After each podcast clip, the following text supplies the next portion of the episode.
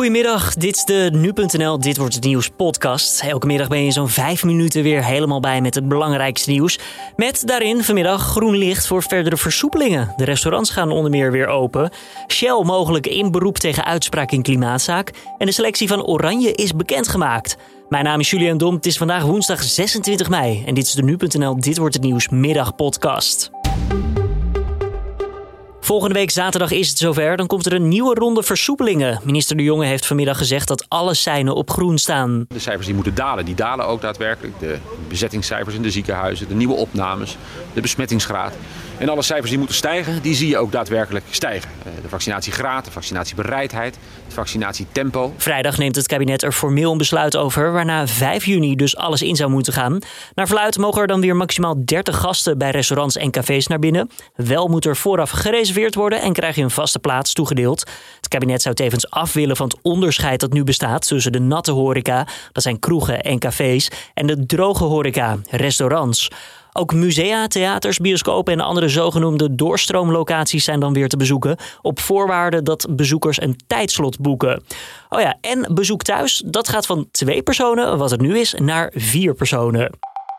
Shell gaat waarschijnlijk in beroep tegen de uitspraak dat ze de CO2-uitstoot bijna moeten halveren. Dat oordeelde de rechter eerder vandaag in de klimaatzaak, die onder andere Milieudefensie met 17.000 andere eisers had aangespannen. Shell wordt mede verantwoordelijk gehouden voor de opwarming van de aarde. Het is de eerste keer dat een oliebedrijf voor klimaatverandering aansprakelijk wordt gesteld.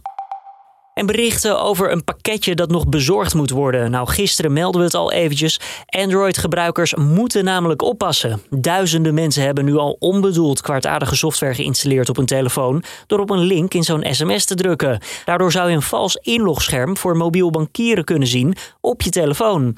Onze techverslaggever Stan Hulsen vertelt wat je hier tegen kan doen. Nou, als je je telefoon opstart in de veilige modus, dan kan die malware niks en kun je hem ook via de instellingen van je telefoon verwijderen.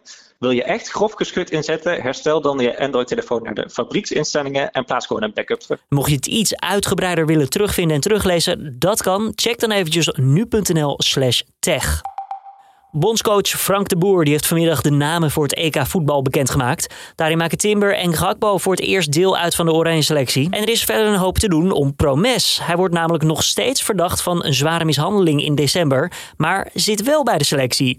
En daar heeft de boer geen moeite mee. In Nederland is het nog steeds zo dat je onschuldig bent, zolang je nog niet veroordeeld bent. Dus dat is hij. In mijn ogen speelt er op dit moment niet. Hij, eh, hij speelt gewoon heel goed in Rusland. En uh, ik denk dat hij een toegevoegde waarde kan zijn voor ons. Dan nog de geblesseerde Blind en de veelbesproken Weghorst. Die gaan ook mee. Spelers zoals Bergwijn en El Ghazi zijn afgevallen voor definitieve selectie. Volgens Dominic Cummings, de voormalig topadviseur van de Britse premier Boris Johnson, was het een catastrofale vergissing dat een groepje wetenschappers als adviseur van de regering in het begin van de pandemie in het geheim besluiten kon nemen over de Britse aanpak van het virus. Dat zegt Cummings tegen een parlementaire onderzoekscommissie. De man laakt de aanpak van het coronavirus, destijds door de regering Johnson. Volgens Cummings dacht de premier aanvankelijk dat het virus niet zo gevaarlijk was.